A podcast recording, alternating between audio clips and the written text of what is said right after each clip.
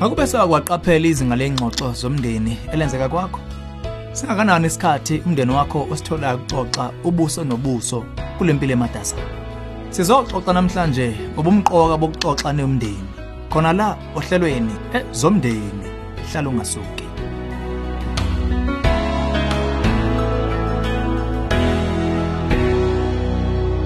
Angikubingelele. Ezomndeni uhlelo kulethela izeluleko eziphathekayo ngabaka focus on the family. Ubaba okhathazekile usibhalele umbuzo. Kusemqoka kangakanani ukuhlala kuhlala umndeni ube nethuba lokuxoxa. Kowethu umshado ukuqose kube ingwadle eside isikhathi.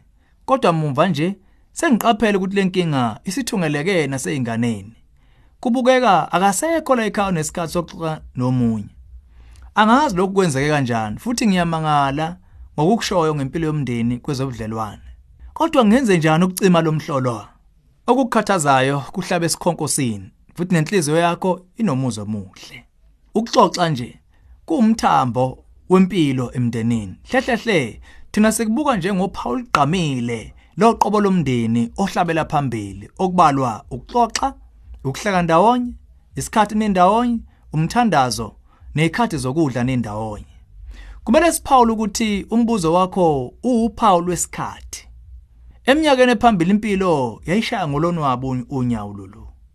Ezokuxhumana, ama cellphone nama computer nokucofa lokho angeke kuvala igebe eliseqhulwini lokuxoxa ubuso nobuso nabanye abantu. Ngakho kungani ukuba ubaba nomama nabantwana babe nethuba lokuxoxa? Ngokuxoxa kanzulu siwumndeni kusenza sinamathelane ngokwezinga eliphezulu lokho okungekho kunoma iziphi idalwa.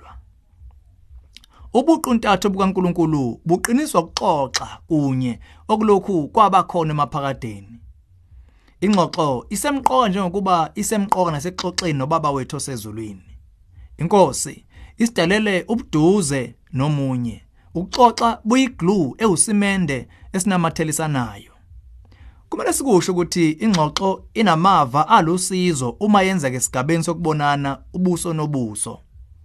Ucwaningo luveza ukuthi amagama esiwasho ngomlomo aqala ku7% engxoxweni enisuke nixoxa. Bese wonke amaphesenti amaningi aba ukuxoxa okuvezwa umzimba, ubuso, amehlo nesigqi sephimbo. Lokho ukucicisela ukuthi ukwencika kwethu kwezokuxhumana zobuchwepheshe selahlekelwe ku93% wamava okwazi ukuxhumana ngamunye ngamunye nomunye ngokwendlela ethi nca. Okuyikho kanye okuletha ubumqoka bokubumndeni uxoxe ubuso nobuso. Ukwenza kuphatheke lokho esikushoyo. Ingxoxo zomndeni zisemqoka ngoba zikhuthaza futhi iqinisa umuzwa wobuso bunye nomndeni. Kudala inkundla yothando, ukwemukelana nokuzizwa nekhaya. Lokho kusemqoka kuyilunga lomndeni ngalinye, ikakhulukazi ekuthuthukeni kwezinga lomqondo nemizwa yenhliziyo yabantwana. Abantwana bayadinga ukuzizwa benekhaya. Bafuna ukuzizwa beyingxenye yeqoqo nomzimba munye.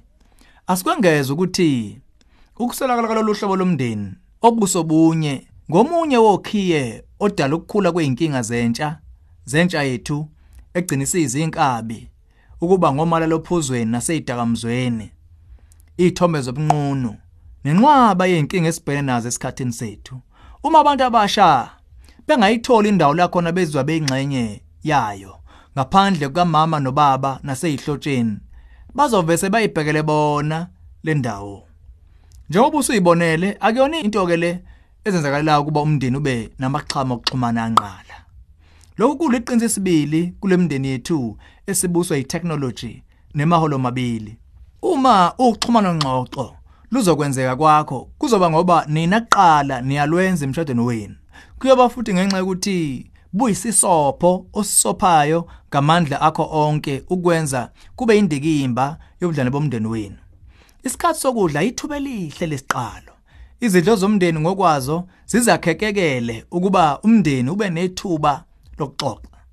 Ungakhuthaza abasha ukuxoxa ngokuba wena siqu ubaphe ithuba lokuba nabo nje ungabaxubena lutho funda isifundo sokulalela engxoxweni.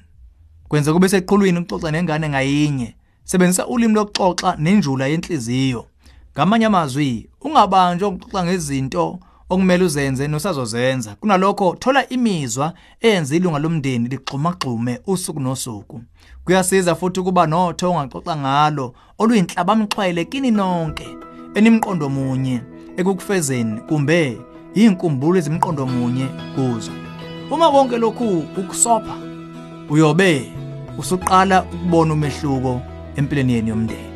Lolu hlelo ezomndeni ulethulelwe yi-focus on the family sihlangabezwa ohlelweni oluzayo.